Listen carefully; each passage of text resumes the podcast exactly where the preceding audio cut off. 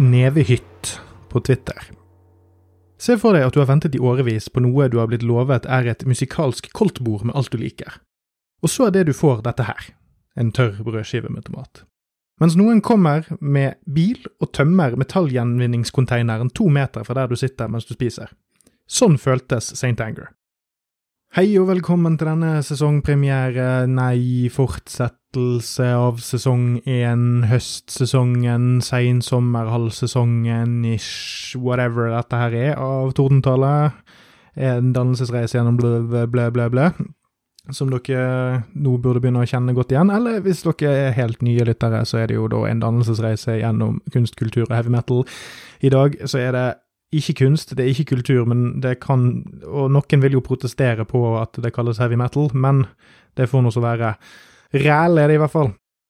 Litt kontekst til dere som sitter der hjemme. Nå har jeg jo gjennomført eh, ti episoder fra før av, med tre Manowar-plater og litt Ninja Turtles og litt eh, gamle slegere av eh, popplater og eh, klassiske filmer og litt sånt. Og nå tenkte jeg at nei, da må man shake det opp litt. Jeg kan ikke ha bare Manowar i front 1000 av tiden, så da er det greit å shake det litt opp. Så jeg eh, gikk i gang med en eh, aldri så liten avstemning på Twitter, der jeg satte opp eh, sånn at følgerne mine på Per Ståle-kontoen min kunne ta og stemme over hvilken av disse tre platene jeg skulle ta for meg denne gangen. Det var, sto da mellom Iron Maiden sin Virtual XI-plate, med Blaze Bailey på vokal, Black Sabbath sin Forbidden-plate, som er kjent som det aller verste de har gjort noensinne, og Metallica sin St. Anger.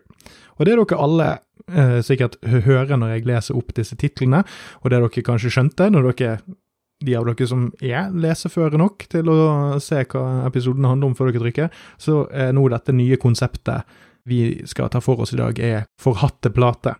Og vi vet jo allerede hvem vinneren ble, det ble Metallica sin St. Anger. Det, jo, det, det var jo ganske overraskende, eh, fordi vi vet jo som kjent at folk har veldig sterke meninger om to veldig glemte, eh, bortgjemte album av Maiden og Black Sabbath.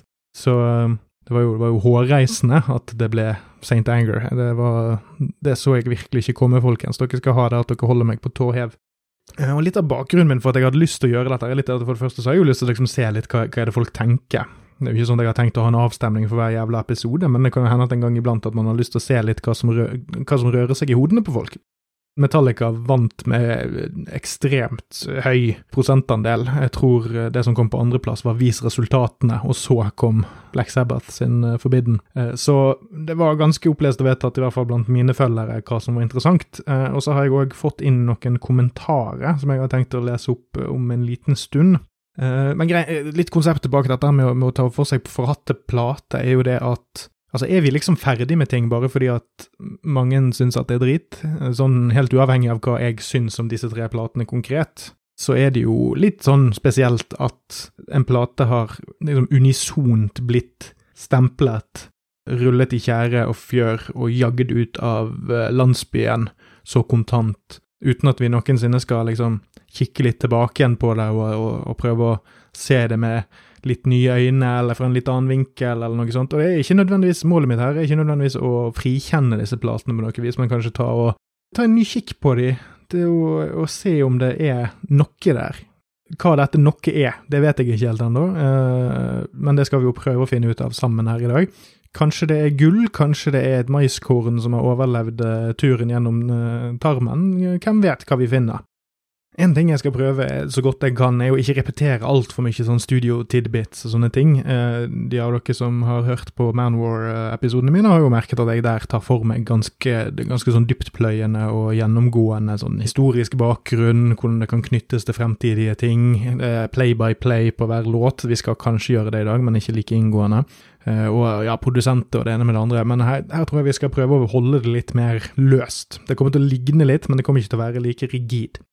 Jeg har et ganske langt og trøblete forhold til Metallica, som egentlig ganske mange har, har jeg inntrykk av. Jeg har ikke inntrykk av at det er et band som eh, man Hvis en person kommer til deg og liksom sier at han har et 100% uproblematisk og motstandsløst forhold til Metallica, så tenker du at han der, han nå, gjemmer vi skarpe gjenstander og ting som kan brukes uh, til å ta deg til fange med fra denne personen, fordi at det er ikke det er ikke akkurat de beste vibbene å sende ut i verden.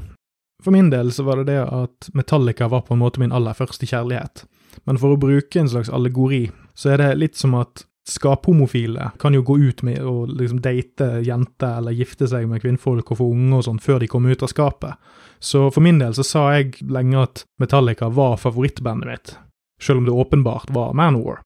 Så det er en ting jeg har liksom kunne jeg har, Etter hvert som jeg har blitt eldre og liksom ja, funnet meg sjøl litt mer, da, så har jeg mer kunnet liksom tenkt nei, nei, nei Manor som er favorittbandet mitt. Og nå er jeg òg litt sånn usikker sånn i moderne tid om akkurat hvor jeg rangerer Metallica, for jeg tror på grunn av litt ting som kanskje er litt typisk for mange Metallica-fans, så har jeg liksom ikke hatt det samme, samme engasjementet for de, de seinere årene. Og det gjelder egentlig liksom entusiasmen min for liveprosjektet og nyere musikk og litt sånn, altså at det er helt ålreit, jeg har ikke noe imot det, jeg er ikke sur på det, eller liksom sånn, det er ikke noe sinne, det er bare det at Metallica-toget har liksom forlatt stasjonen min litt, da. Jeg har stått igjen, og jeg vet liksom hva jeg liker og hva jeg verdsetter med det, som jeg tror er mye mer mangefasettert enn disse her eh, største naziene som bare insisterer på at de maks har lagd halvannen god plate, eller to eller tre eller fire eller whatever, dere kjenner de folkene der. 80-tallspuristene. Eh, det er ikke sånn for min del, men det er mm, min tid under solen er forbi akkurat der når det kommer, kommer til Metallica. Men som eh, starten på denne sånn selvutleveringen kanskje ga inntrykk av, så er det sånn at Metallica har uansett alltid hatt en spesiell plass i musikksmaken min. Og jeg merker den dag i dag at det grunnlaget som denne Metallica-fanatismen jeg deltok i, det grunnlaget informerer veldig mye av måten jeg konsumerer media på i dag. Og jeg har mest sannsynlig glemt mer om Metallica enn jeg kan om mitt eget barn, så det er dette er ikke et avstandstagende fra min, uh, fra min, side. Dette er egentlig et band som jeg liker jævlig godt, og som jeg setter jævlig pris på spesielle perioder av, og jeg virkelig digger å liksom en gang iblant bare sette meg ned og, og liksom kjøre gjennom noe greier med. For det er, det er som å ta på seg et varmt pledd uh, på en kald vinterdag noen ganger. Så kan jeg òg ta, og da for konteksten sin skyld, hva er mitt forhold til St. Anger spesielt? Og da kan jeg fortelle dere det at jeg var på fuckings ground zero. Jeg kjempet i St. Anger-krigens skyttergrave med hjemmesnekret zipgun og potetkanon, fordi at det var heftige greier, altså. Det var, det var, en ganske tung periode å skulle støtte et band eh, av den størrelsen og i, i den omstillingsfasen. Så jeg har, jeg har nok forsvart St. Anger mer enn det som er både sunt og fornuftig, og og kanskje på mange måter redelig, eh, på sett og vis. Eh, nå sitter det sikkert noen der som ikke kan så mye om Metallica eller St. Anger, og det er jo helt greit. Vi trenger jo ikke en sånn timeslang gjennomgang av hvem Metallica er, det blir for mye styr. Men altså sånn, kanskje det er noen som hører på dette her som ikke nødvendigvis skjønner helt hvorfor er det denne platen som på en måte er den jævlige, eller den grusomme, eller den som ikke liksom er verdt noens tid. Hva er det som liksom får folk så jævlig forbanna? Og det er det at de kom ut i en litt sånn skjæringstid for hele bandet. Altså, Tidlig på 2000-tallet så mistet Metallica bassisten sin, som heter Jason Newsted. Han trakk seg fordi at han ble dårlig behandlet i bandet, og at uh, han følte seg ikke verdsatt, og han syntes at de personlige stridighetene internt var fuckings bullshit. Managementet hadde hentet inn en psykolog, en sånn teampsykolog som jobbet med, med fotballag og sånn, sånn store corporate teams som ikke nødvendigvis hadde noe til felles. Sant? Så det, det Jason Newsted reagerte veldig på, at hei, vi er et fuckings heavy metal-band som er verdens største, det har aldri vært noen så store som oss, og gjort det vi har gjort, og likevel skal vi nå sitte her. Og, og vi, vi skulle være kompiser, vi skulle være liksom et fuckings band. Eh, men så skal vi sitte her og høre på sånn her eh, hippie-dippie, kjenn på følelsene dine, gruppeterapi-greie, når det vi egentlig burde gjøre, var å kjefte hverandre huden full og høre på hverandre og faktisk kommunisere oss imellom. At vi ikke kan fikse dette alene er fuckings weak. Så han stakk. Og alt dette her jeg snakker om nå, er dokumentert. altså Hele, hele prosessen med å lage dette albumet er dokumentert på Some Kind of Monster-filmen, som er en dokumentar som er dritlang og jævlig bra, og ekstremt utleverende, og, og da har vært med å bidra til at det var mange Metallica-fans som bare sa takk og farvel etter St. Anger, eh, fordi at de avslørte for mye av liksom bakteppet. Nå, nå kunne man liksom ikke late som at James Hetfield var verdens eh, tøffeste eh, metal-vokalist lenger, og man kunne ikke late som at Lars Ulrich ikke var en pretensiøs kødd lenger. Altså, det var, det var så rått og ærlig. Den dokumentaren var så rå og ærlig at det drepte det siste som var igjen av mystikken med dette gigantiske multiplatina-selgende bandet. Så på dette albumet så er det da produsenten Bob Rock som spiller bass. Det er han som har produsert alle albumene fra 1991 til og med 2003. Den mest kontroversielle produsenten de har hatt og brukt. I hvert fall i disse 80-talls Gestapo-kretsene. Eh, men samtidig så er det òg det at de startet og De begynte på dette albumet i to omganger. I første omgang så startet de som en, en three-piece sammen med Bob Rock, og så måtte det kanselleres, for plutselig så måtte James Hetfield på rehab og ble der i nesten et år. Så dette er en plate som har blitt lagd på en tid på minst to år, med start og stopp og sånn. Når James Hetfield kom tilbake igjen etter et års tid, eh, altså hele bandet var jo på, på randen av å bli revet i fillebiter her. Eh, men når han da kom tilbake igjen, så var han liksom en veldig rå og liksom nyfødt person igjen, for at han hadde liksom levd hele sitt voksne liv som en fungerende alkoholiker. Men nå skulle han liksom prøve å redde ekteskapet sitt og redde bandet og redde seg sjøl. Og da, denne, da ble det enda mer gruppeterapi mellom han og Kirk Hammett og Lars Ulrik, som er de siste tre gjenværende medlemmene, og inkludert Bob Rock, produsenten, som da ble et slags fjerde medlem der en stund. Og så resulterer dette i et, et, album som ofte blir beskrevet som veldig sånn garasjeinspirert. Det kan jo diskuteres om det er garasje eller ikke, eh, men det er veldig tydelig fra bandet sin side at nå skal ikke vi drive og, og spjåke oss til, nå skal vi liksom omfavne denne nye emosjonelle berg-og-dal-banen vi er på, og vi skal integrere det i musikkprosjektet, og vi skal integrere det i tekstene. Eh, så en av de nye tingene er at absolutt alle har writing credits på alle låtene. Det er liksom Hatfield, eh, Ulrik, uh, Hammett, Rock som er kreditert på alle låtene. For at de alle har bidratt like mye, er i hvert fall liksom den nye, det nye mantraet. Eh, Fram til dette her så er det stort sett James Hetfield og Lars Ulrik som liksom arrangerer låtene. Jeg vil tenke at Hetfield egentlig står for mesteparten av riffene, mens Ulrik er en sånn plagsom liten gjøk som sier sånn Hei, James, kan du ikke spille den lille litt, litt sånn fastere her? Sånn, sånn, Den typen sånn her eh, hive seg inn og, og, liksom prikke folk på skulderen og være plagsom. Um, mens uh, Kirk Hammett stort sett spiller soloer. Men har, altså, alle har jo noen input i ny og ne. Så greia er at den her, det St. Anger òg da gjør, er at den nuller ut en del av styrkene til bandet bare med måten den har blitt lagd på. Altså at det ikke nå tillates for å være nesten et sånn tomannsdiktatur der det er én person, Hatfield, som står for den mesteparten av det kreative, og så er det én som da er Ulrik, som står for uh, mesteparten av det administrative, men nå liksom alle skal være med på alt. Samtidig som hodene deres sakte, men sikkert fylles av veldig mye uh, terapeutisk uh, hippie-dippie-shit fra en, en, gammel mann med briller og veldig dårlig strikkede gensere, som heter Phil Towel, om jeg ikke husker helt feil. Kanskje han heter det, kanskje han ikke heter det. Uansett, vi skal ikke grave oss så utrolig mye mer ned i den materien akkurat nå, men jeg tenker at den, det bakteppet må man nesten ha eh, for å egentlig skjønne noe av det jeg har tenkt å snakke om videre. Så, så, stikkordene her er dette er en plate der de skal prøve å gå tilbake til røttene, prøve å finne seg sjøl igjen, samtidig som de vet at metal-landskapet har endret seg drastisk på de årene de har vært vekke. De har ikke sluppet et nytt studioalbum på seks år.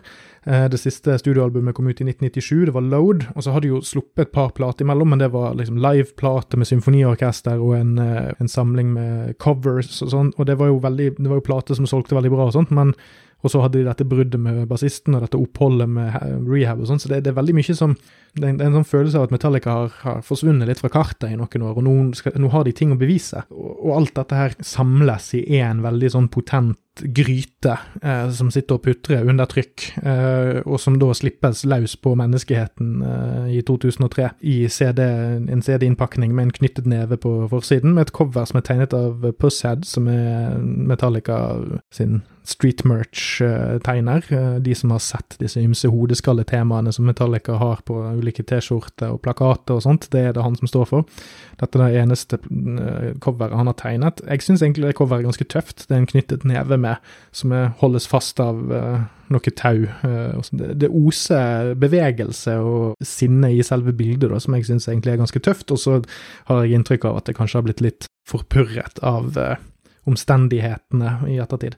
De har jo òg redesignet uh, logoen sin uh, da den kom ut, og jeg husker som en uh, shitkid i 2003 syntes jeg det var jævlig lame å skulle drive og liksom endre logoen sin etter hva som var kult, eller hva som var liksom i, i emning. Jeg har ikke inntrykk av at de gjorde det bare for å være kule, men det skal liksom være redesignet for å liksom stå i stil med det visuelle inntrykket på denne platen. Og i motsetning til redesign de gjorde på Load-platen, som de beholdt i en del år, så forsvant dette etter bare ett album. Så før vi skal kicke i gang og gå raskt gjennom låtene for dere, og snakke litt eh, spesifikt om de, så har jeg lyst til å liksom ta og lese opp noen sitater. Som dere hørte på starten, så fikk dere høre hva Nevehytt fra Twitter hadde å si om St. Anger. Og nå tenkte jeg jeg skulle ta og lese opp noen andre kommentarer som vi alle kan da ha litt i bakhodet vårt mens vi går igjennom resten av eh, materien her, da. Da har vi en eh, nerd som heter Olav Abildgård han er visstnok jazzist. Uh, jeg håper jo da at det er en som driver med jazz, og ikke er rasist med talefeil, men han stemte og la ved denne kommentaren her. St. Anger med sin medfølgende dokumentar viser et musikkprosjekt som har vanvittig mye mening bak seg, og som uansett ender opp med å høres ut som et blaff. De forsøker jo å gå for en rå, dårlig, i hermetegn, lyd, for at de skal høres ut som et garasjeband som bare jammer, men de får bare til de verste delene av denne tankegangen, og bommer der det er viktigst. Og det er en del produksjonsgreier som låter for produsert til å være garasje. Eh, så har vi Philip Broschau, jeg bare håper at jeg uttaler det riktig, som sier det at blir fjetret av å se Some Kind of Monster i dag. Føles unikt. Både at de var i en posisjon til å trekke en så mislykket prosess ut såpass lenge, og med såpass mye arbeid rundt seg og at de turte å slippe det dokumentet om det. Enorm respekt for det, finnes ingenting som ligner. Paul Norseth, som sier St. Anger-lyden er ballsy, stygg og herlig mannevond, og skiva har ca. tre låter som tar litt tak. Kunne vært en decent EP.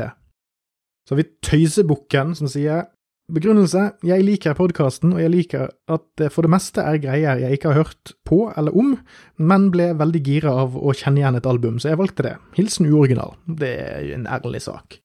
Og så har vi noen litt mer kreative her, eller ikke kreative engang, det er da de som egentlig stemte på andre ting, og jeg vil, jeg vil bare liksom gi de en stemme i denne episoden òg, egentlig. Altså, vi må jo lytte på de undertrykte. Da er det f.eks. Elf Hybrid som skriver at Virtual XI ble hennes valg fordi det er en Maiden-plate jeg ikke kan fordra, og da kan jeg love Elf at eh, det kommer en gang i fremtiden kommer Virtual XI tilbake. Det lover jeg. Det samme går også ut til Beastie Joyce, for han stemte på Forbidden pga. at St. Anger har blitt snakket nok om allerede, så jeg tenker jo at dette ikke er episoden for han, men eh, det er òg tilfellet at Forbidden dukker nok opp igjen som en fullengder seinere.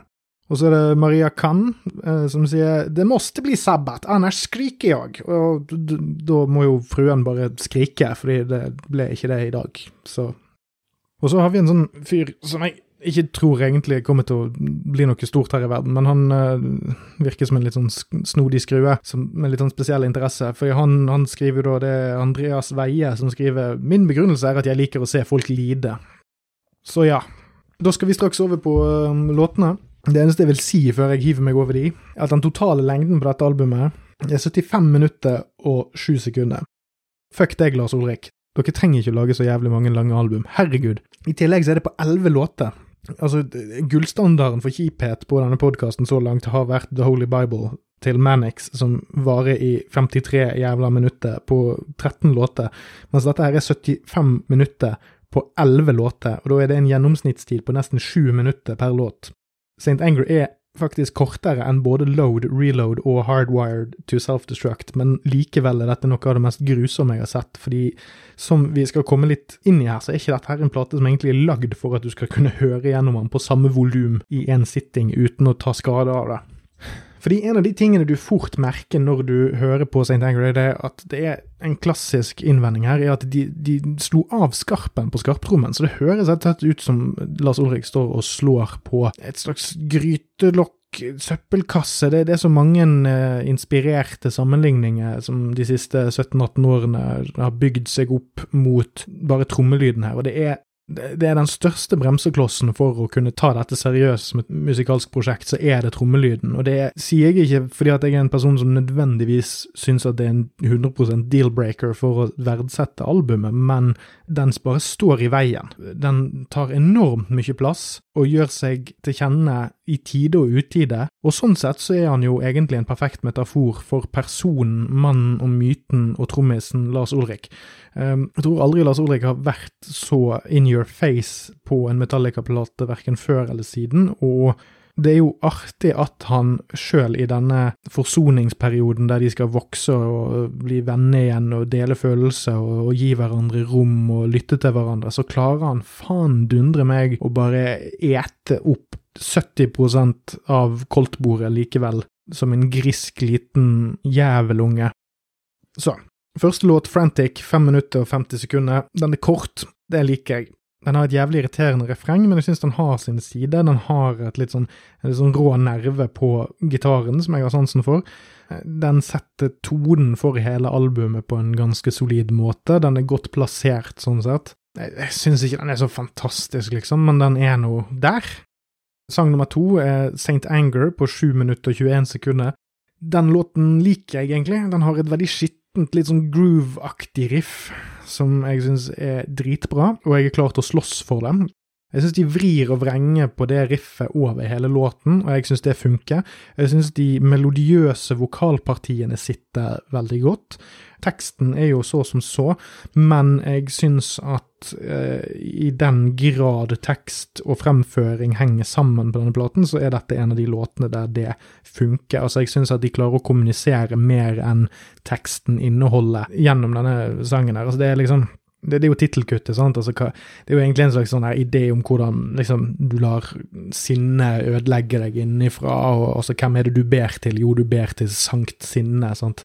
veldig sånn platte og, og oppi dagen-metaforer de bruker og sånt, men eh, det er noe med måten de klarer å fremføre det på som gjør at jeg syns at det, i dette tilfellet her er det faktisk noenlunde genuint, og det er ja, det selger låten. Det selger Altså, temaet låten skal selge, selges gjennom alle de andre delene, om enn ikke teksten.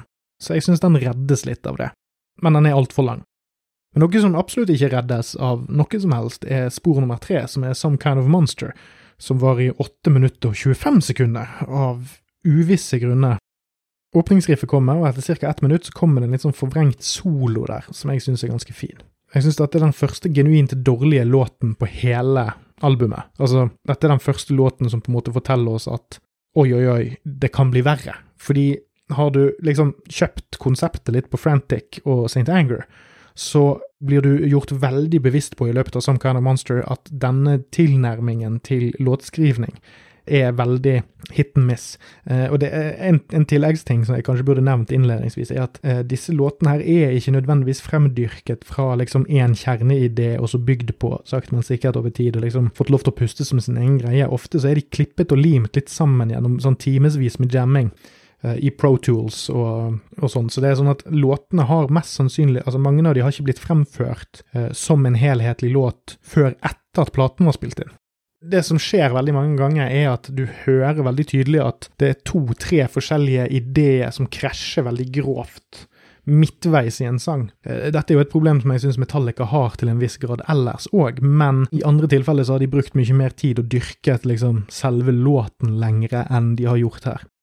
Men i Some Kind of Monster så funker ikke versene. Det er egentlig bare en sånn dronende, forferdelig kjedelige vers. Og hive inn en slags sånn her rar sånn, eh, sånn yogi-chant uh, etter sju minutter. Og så avslutter de med en litt sånn her sånn, sånn Kina-aktig gitarditti på slutten som bare ikke hører hjemme. Altså det bare, dette blir liksom tittelen på dokumentarfilmen om platen, og den passer mye bedre som den tittelen der, for den passer egentlig veldig bra for, som tittel på. Altså hvis det ikke var St. Anger denne platen het, så burde den hett Some Kind of Monster, fordi når de spilte den inn, så ser du på en måte liksom James Hetfield som snakker om denne låten spesifikt, og sier at å ja, jeg prøver å skrive denne teksten, at det er en som en slags sånn Frankenstein, at du setter sammen ting fra ulike deler for å prøve å bli hel, eller noe sånt. Og det er jo egentlig bare et symbol på hele den platen. Det er masse deler som ikke hører sammen, som har blitt prøvd å sette sammen underveis. Den er altfor lang i tillegg. Låt nummer fire, Dirty Window, 5 minutter og 25 sekunder. Denne var jeg faktisk på verdenspremieren uh, til, uh, så vidt jeg kan huske, i uh, Oslo Spektrum i desember 2003. Jeg liker åpningsriffet, og så har jeg litt sansen for hele låten uten at jeg egentlig klarer å sette helt fingeren på hvorfor. Kanskje det er fordi at den er kort. Den har et stilig mellomspill, og det kan òg være fordi at, at grunnen til at jeg liker det mellomspillet, kan være fordi at trommene forsvinner litt, og at det blir en litt sånn nedstrippet, rolig parti i midten. Og så er han kort, og det er bra. Sang nummer fem, Invisible Kid, 8 minutter og 30 sekunder. Det er omtrent like lenge som Master of Puppets varer. Jeg liker dette riffet, og jeg syns at tvistene på det riffet under versene er ganske nice. Og så liker jeg òg at den har Det føles litt som at den egentlig ikke har et refreng, eller at versene blir refreng og vice versa. Uh, det handler jo egentlig bare om liksom, ikke bli sett i oppveksten, og buhu, jeg er et uh, gråtebarn. Som er helt fint å skrive om, altså. Det er bare at det blir litt overtydelig i teksten noen ganger. Og nå kan det jo hende at noen sitter og tenker hvorfor i alle dager sitter Manowar-fanduden og rakker ned på tekstene til Metallica? Jo, det er litt fordi at det handler litt om hva slags type ting du har lyst til å kommunisere til verden. Og jeg gir mye mer leeway for folk som synger om vikinger og drap og herjing, enn folk som prøver å skrive seriøse låter om hvordan de har det på innsiden. Altså, det er hvis du sikter høyt, så må du treffe hardt og presist, eh, og hvis du bommer da, så blir det parodisk. Men som sagt, jeg liker denne låten ganske godt. Jeg vil si at det faktisk er et av de bedre sporene på platen. Og det går litt på at refrenget fungerer jævlig bra, eller det er altså refrengverset, eller whatever. Det er et tøft riff. Og litt kommunikasjon. Altså det er et, hvis, du, hvis du lukker ørene for teksten, så er det en god driv i det. Eh, en ganske god joggelåt, for eksempel. Spor nummer seks, My World, 5 minutter og 46 sekunder. Yes! Den har jeg òg litt sansen for. Det er noen finurligheter i gitaren underveis som ligger liksom sånn, så vidt i bakgrunnen. Jeg syns det er en god vokalprestasjon fra James Hetfield. Det er noen kule fraseringer, eller hva enn du kan kalle det. altså Måten han legger stemmen sin på og kontrer seg sjøl og litt sånne ting. Det syns jeg er stilig. Men altså, Ikke noe å skrive hjem til mor om, men altså, den, den har litt sånn, litt sånn OK vibes. Og Dessuten så er han kort, og det er bra. Så har vi nummer sju, Shoot Me Again, på sju minutter og ti sekunder. En veldig fin vokalintro der. Vokalharmoni. Ellers så syns jeg at den sliter litt med konseptet sitt. Den liksom blir seig og treig og repetiv. Det blir bare en stor graut av det, syns jeg. Og så er den altfor lang. Så har du låt nummer åtte, Sweet Amber, på fem minutter og 27 sekunder. Da vil jeg bare begynne med noen eh, betraktninger her. Du har en plate som heter St. Anger. Tittelsporet heter St. Anger. Og så har du en låt som heter Sweet Amber på St. Anger. Litt teit, vil jeg si. Men den har en veldig fin, liten melodiøs intro. Eh, og så liker jeg riffet på Sweet Amber. Eh, den har noen rare ekkogreier før trommene kicker skikkelig inn i starten, og det har jeg aldri hørt før, og det tror jeg er detaljer som forsvinner litt både på Spotify og med dårlig headset i 2003. Jeg kan jeg jo faktisk nevne at jeg har kjørt old school på denne gjennomlyttingen. Jeg har gravd fram min butikkjøpte 2003-kopi av St. Anger og hørt på det på Discman, med antisjokk av, sånn at jeg kan liksom oppleve den skikkelig genuine 90-, tidlig 2000-tallsfølelsen av å lytte på musikk on the run på en buss det, det som overrasker meg, er hvor god lydkvaliteten er. Det går jo litt tilbake til det han eh, mister eh, Abildsø, eller hva han heter, nevnte innledningsvis i disse sitatene, er jo at um, du da plukker opp noen steder detaljer som bare høres altfor crispe og, og interessante ut og subtile ut til at det egentlig får den der garasjefølelsen. Det jeg vil si, er at jeg vet ikke om det at, det, liksom, at de går for gitar-jam-sound nødvendigvis er det samme som å si at det skal høres ut som det er spilt inn i en garasje. Jeg tror at prosjektet egentlig handler litt mer om å føle seg ung, eller føle at man har et prosjekt, og at kanskje garasjesounden har mer med det å gjøre enn eh, at sounden i seg sjøl skal kommunisere det. Uh, om, om, det henger på grepet. Altså, det er ikke, de prøver ikke å kopiere legitnessen av å spille noe inn i en garasje. De prøver å kopiere følelsen av hvordan det var å lage musikk i en garasje, uh, og, og, være i den kreative modusen som de var i i 1982-1983. Det er i hvert fall det jeg tenker akkurat angående det med sounden. Men som sagt, det er bedre produsert enn det du tror. Altså Bare fordi at trommene høres jævlig ut, så betyr ikke det at de ikke er tatt opp jævlig nice, og at de ikke har blitt tatt opp med jævlig nice mikrofoner, og at de ikke har blitt justert med jævlig nice utstyr. Um, uh, men tilbake til Sweet Amber, så syns jeg at uh, vokallinjene her ikke funker så bra, men gitarlinjene som ligger bak versene, er ganske stilige. Uh, refrengene er heller ikke så ille. Uh, gitarspillet her er nok det jeg vil kalle mest, det mest interessante og vellykkede på platen, rent uortodokst sett. Altså sånn Hvis du tenker at Metallica skal utfordre seg sjøl uh, og kulturen de er en del av, så syns jeg at gitarspillet på Sweet Amber er liksom Altså der de klarer det best, kanskje. For øvrig så er han jo da kort, og det er bra. Så kommer vi til nummer ni, The Unnamed Feeling sju minutter og åtte sekunder. Jeg får jo gå litt tilbake igjen på altså, sånn det jeg sa på Sweet Amber, at gitarspillet syns jeg er det mest interessante og vellykkede på platen. Men The Unnamed Feeling er platens beste låt. Fordi her klaffer platekonseptet, tematikken og fremføringen og helheten. Dette er en låt som sitter, den er akkurat det den trenger å være for å kommunisere det den trenger. Eh, jeg syns ikke at den på noe vis setter meg ut av det. Eh, det er ikke sånn at jeg blir opphengt i kjipe detaljer, eller at jeg syns at ting blir barnslig, eller whatever. Jeg syns at det er en låt som handler om liksom når angsten kommer, eller usikkerheten kommer snikende. Eller hva enn det er. Altså den, den følelsen som river deg ned som person, og, og, og hvordan det oppleves. Og det syns jeg den, den gjør. På en ja, er det infantil måte? Nei egentlig ikke. Altså, den, altså, man kan jo si at det kanskje er litt sånn tenåringsangst i det, men altså tenåringsangst eh, Folk som har tenåringsangst, vokser opp til å bli eh, voksne med voksenangst så, som er basert på tenåringsangst, så jeg syns ikke det er nødvendigvis en disqualifier på noe vis. Og den, den føles òg veldig konkret, uh, og at den ikke bare er en ansamling med løsrevne selvrealiserings-one-linere. Den er nesten altfor lang, men det går akkurat. Så eh, hvis du skal lage deg en eh, Best of uh, Metallica-spilleliste, så er dette her kanskje den eneste låten på hele platen jeg ville tatt med. Å, nå er vi snart ferdige her, folkens. Nummer ti, Purify. 5 minutter og 14 sekunder.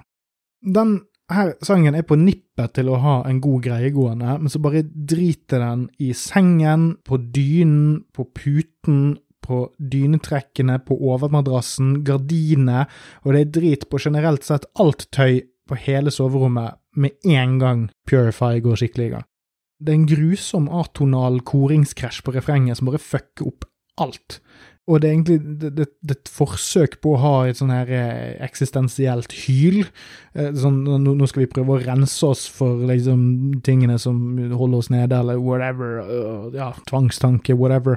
Men, men det er bare blæ. En av de låtene på platen som på en måte det er sånn, Når jeg hører denne, så tror jeg at jeg hører det som folk som bare hater St. Anger-platen, hører på alle låtene.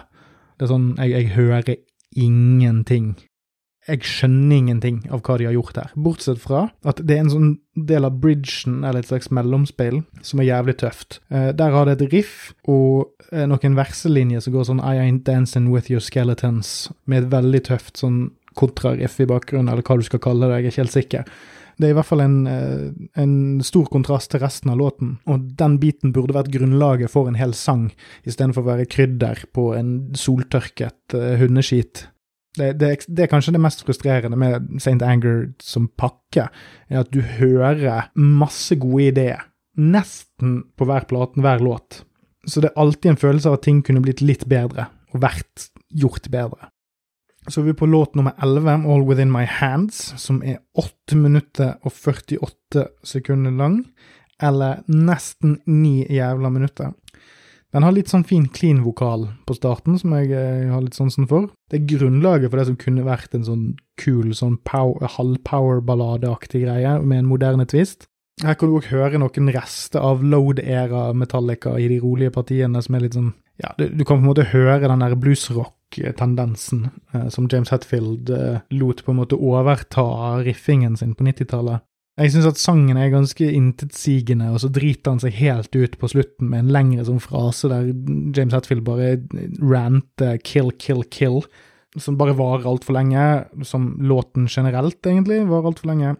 Denne låten lever fremdeles gjennom uh, skatteunndragelsessvindelen eller slash veldedighetsprogrammet til Metallica som heter uh, All Within My Hands Foundation eller noe sånt, som samler inn penger til unge som ikke har råd til nye sokker eller cheese doodles.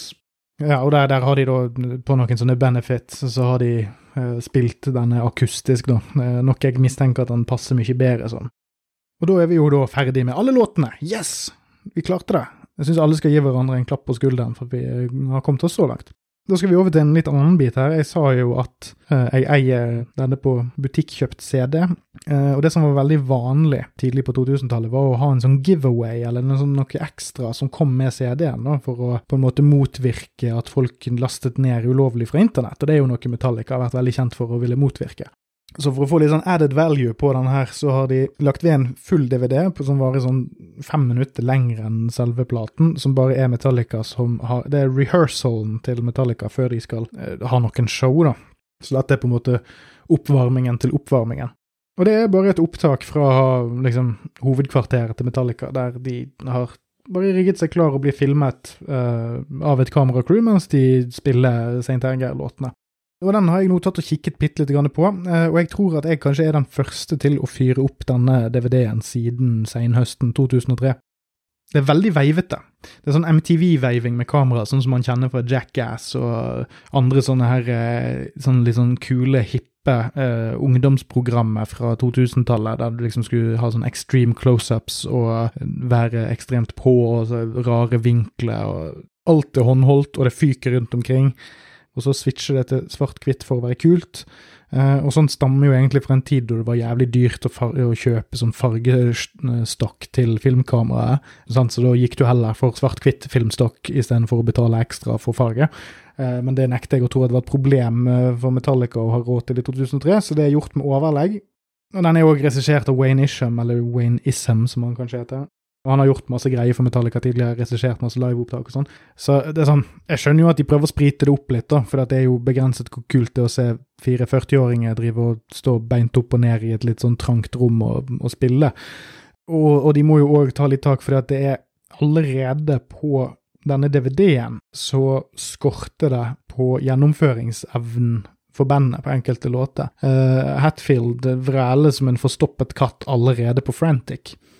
Så det er sånn Jeg har ikke sett denne DVD-en siden 2003, og jeg, når jeg så litt gjennom den nå, så skjønte jeg plutselig hvorfor. Det er ikke nødvendigvis noe man får lyst til å gå tilbake igjen til, for det er bare den platen du nettopp har hørt, bare fremført litt mindre tight. Eh, og med dårligere vokal. Så det er ikke noe å gjøre på første date, i hvert fall. Og en ting som er soleklart, som kommer fram av denne live-DVD-en, er at Jason Newsted er allerede sårt savnet som backing-vokalist. En gang i fremtiden skal jeg ha en lang rant om Jason Newsted sin plass i musikkhistorien, og eh, for en grovt undervurdert uh, livemusiker han var og er. Men det er min tese i hvert fall at eh, Metallica aldri kom seg helt som et liveband etter at Jason Newsted stakk. Og Det var fordi Jason Newsted hadde en veldig tydelig eh, tilstedeværelse på scenen, der han på en måte utfordret James Hetfield, eh, både i sånn machismo, men òg bare i sånn ren brutal energi. Eh, på mange måter så var han kanskje den mest brutale på scenen. Punktum. Han var på en måte eh, fansen sin representant. Og han var òg en helvetes god backingvokalist. Eh, mens eh, på denne DVD-en så hører du sånn eh, Kirk Hammett som prøver å pick up the slack, og han høres jo litt ut som han har satt en dokost i halsen. Eh, han får liksom ikke til å, å, å backe Hatfield med en tilsvarende macho-sinna roping som det Jason Newsted klarte. Ja, men da, folkens, da har vi snakket litt om bakgrunnen for St. Anger, vi har snakket litt om hvordan den høres ut, vi har snakket litt om hva folk syns. Så da kan vi jo tenke litt sånn, hva, hva, hva tenker man om eh, produksjonen og innsatsen til bandet? Altså, jeg får vondt i ørene og hodet av å høre på St. Anger med øreklokke på. Sjøl på samme volum som eh, jeg hører på med andre plater, både produksjonsmessig og alt, så er dette veldig vondt å høre på rent fysisk, altså å høre fra start til slutt. Eh, og mye av det skyldes faktisk trommene, eh, men noe av det skyldes òg at ofte så er platen bare veldig, veldig utilgivelig. at det er veldig lite pusterom til stede i låtene, og sjøl når det pusterommet er der, så bruker de ikke de kreativt på en interessant måte, eller, eller liksom De rolige, stille partiene kunne vært dyrket mye mer, men det det ender opp med her, er at det ofte blir Eh, det bare sånn, et sånt lite opphold, sånn at du Oi! Du, du begynner å lure på om at no, no, å, å, det føles så bra. Eh, å, kanskje det kommer noe kult. Men så kan det òg bare være det at grunnen til at du reagerte positivt, er det at nå, nå får ørene dine litt opphold. Så det er litt altså sånn Ta det jeg sier med en klype salt her, for det, det, kan være tilfellet her. Jeg liker vokalprestasjonen til Hetfield. Uh, ifølge Bob Rock så brukte de ikke autotune på stemmen hans, og jeg er villig til å tro på det. Selv om han ikke nødvendigvis har uh, lik, uh, på en måte gjennomført stemme på den uh, rehearsal-DVD-en, så, så, høres det Altså, stemmen høres veldig rå ut på platen. Og resten av platen høres veldig fucket ut, så hvorfor i alle dager skulle de ljuge om akkurat det? Og det som høres mest genuint ut på hele dette spetakkelet her, er innsatsen til James. Og det høres stort sett ut som om det var viktig for han å få ut følelsene som, som disse tekstene skulle representere. Uh, så i den grad uh, dette kollektive tekstskrivingsprosjektet, som tidligere var James Hetfield sitt enerådende rike, i den grad det funker her, denne nye kollektive greien, så er det James Hetfield sin fortjeneste fordi han faktisk klarer å, klarer å løfte det. Eh, men problemet med vokalen er at det er for mye. Altså det er altfor mye anstrengt angstroping, og da blir du ganske sliten av det, sammen med trommene. Og jeg vet at James kan eh, synge sint uten denne slitsomme og anspente tonen. Og så er det tekstene, da. Ja, altså, de er dårlige, men sammenlignet med hva?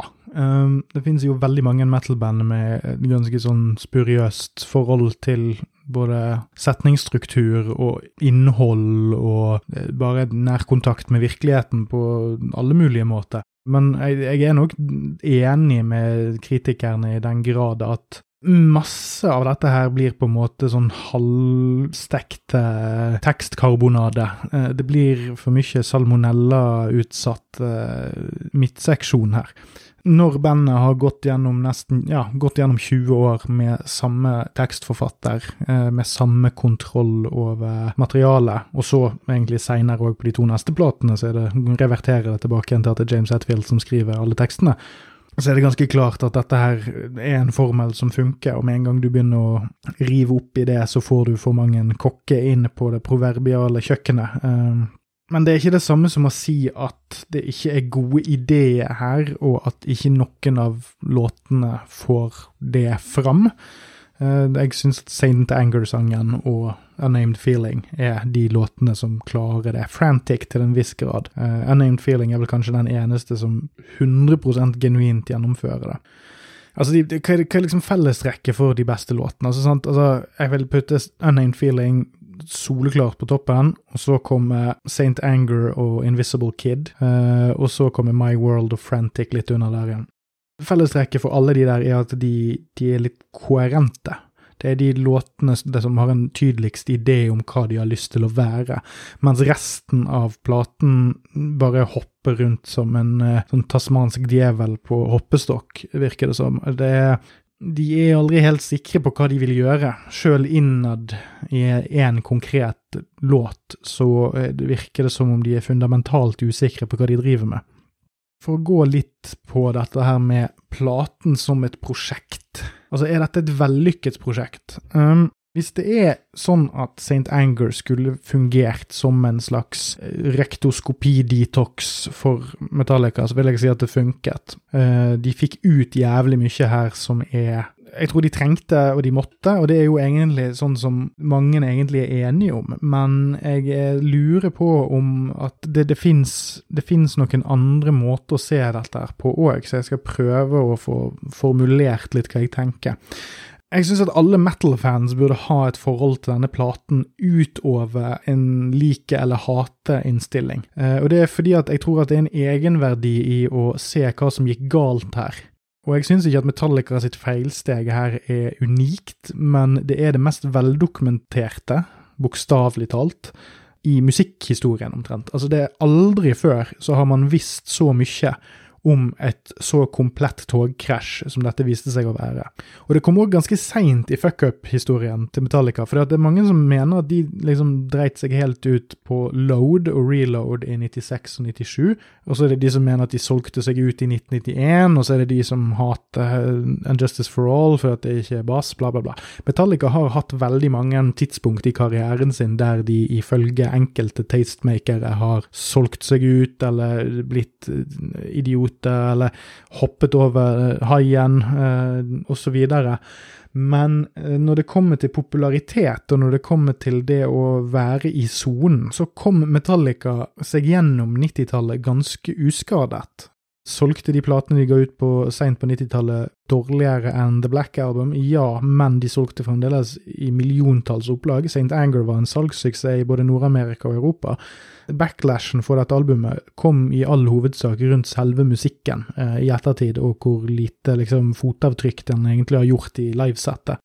Eh, men hvis vi liksom sammenligner med, med andre band i samme sjanger. Fordi jeg har ikke lyst til altså Det er folk som driver og insisterer på at Metallica er liksom eh, som U2 eller Rolling Stones og sånn. Nei, Metallica er et heavy metal-band. Da skal vi sammenligne de med andre heavy metal-band. Sånn er det bare. Du får ikke lov til å bytte sjanger bare fordi at du har solgt mer enn x antall titalls millioner album. Men altså, det, det, er en ganske sånn unik periode, dette. For det var, altså, Metallica dreit seg ut så jævlig seint, egentlig. St. Anger kom ut i 2003, og 2003 var det året Judas Priest gjenforentes med Rob Halford, som hadde vært eh, vekke fra bandet i 10-12 år. Iron Maiden var på det andre gjenforeningsalbumet med Bruce Dickinson. Gammel metal var på vei tilbake, men Metallica, som hadde vært vekke i noen år og liksom mistet plottet litt, peiste på med et svar til det moderne. Altså, omgivelsene var på vei til en sånn retrospektiv. Men Metallica var så store at de ikke trengte å tenke tradisjonelt, og, og kanskje hadde de ikke evne til å gjøre det heller. Eh, og jeg, jeg, er villig til å være enig i at Metallica ikke på noe tidspunkt skulle prøvd å, å, lage The Black Album på nytt, eller Master of Puppets på nytt, men det blir veldig tydelig at etter St. Anger, at det er litt i de banene de har endt opp med å, å gå likevel. Fordi St. Anger er trendjagende på mange vis, men som vanlig med Metallica, så er det mer det at de ser på mainstreamen, og så sier de at nei, vi skal ikke gjøre X, Y eller Z.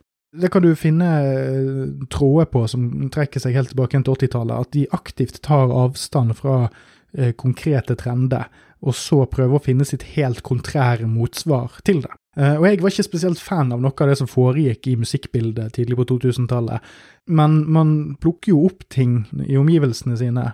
Og det gjorde man i større grad på den tiden, for da var det faktisk sånn at folk spilte radio i bil og i hus, og at det var mye mer liksom en, Mainstreamen var tynnere og mer obvious, så man, man, fikk liksom en sånn smak på hva som var populært, enten man likte det eller ikke. Og jeg kan ikke huske noe som hørtes helt ut som St. Anger. Og det er, det er ikke skryt engang, men det er henter det inspirasjon fra en del sånn skitten groove-metall som uh, kanskje var litt sånn uh, kult uh, blant street kids på den tiden? Kanskje.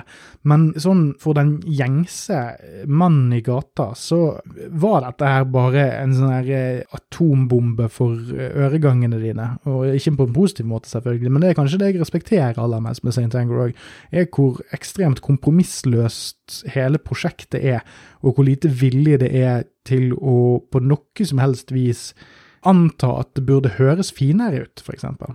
Og ja, St. Anger er veldig utdatert, men det er unikt utdatert, syns jeg. Fordi Metallica har en sånn kontinuerlig kontrær greie, og det møter sitt endelikt på St. Anger.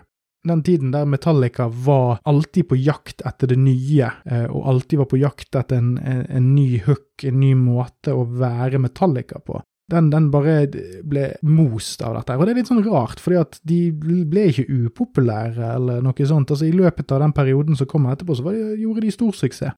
Eh, men de to neste platene som kommer etter St. Anger, de blir nesten sånn intro-retrospektive på deres egen karriere, der de på en måte omfatter mye mer av 80-tallsarven sin, og så blandes det litt inn med noen sånne load-aktige blues-tonegrep.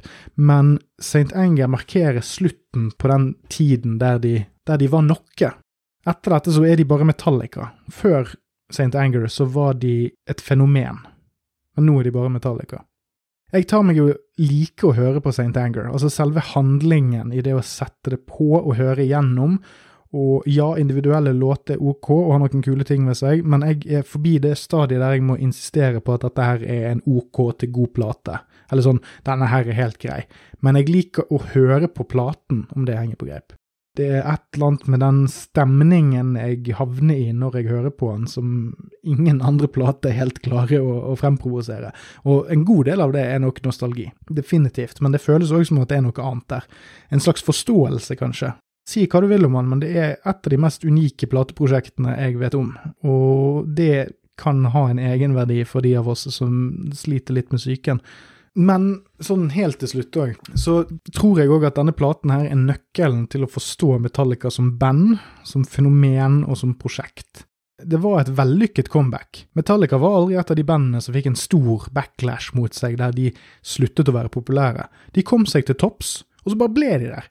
Og så har det jo gått litt sånn opp og ned, sånn å, selger de ut 25 000 eller 40 000 eller på konsertene sine. Liksom, ja, opp og ned litt der, men de har aldri måttet gå ned på sånn uh, Rockefeller-nivå som enkelte andre band uh, måtte gjøre. Altså Et par år før dette her så måtte Iron Maiden headline fuckings Rockefeller eller tilsvarende steder rundt omkring i Europa.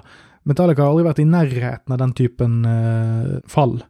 Så den nesestyveren Metallica fikk her, var det at de kanskje i forkant av selve innspillingen òg bare skjønte at nei, vi får ikke til å være den vi Vi er ikke det bandet som skrev Master of Puppets, vi er ikke det bandet som skrev en gang Until It Sleeps for noen år siden, vi er ikke engang et band som kan lage et symfonialbum lenger.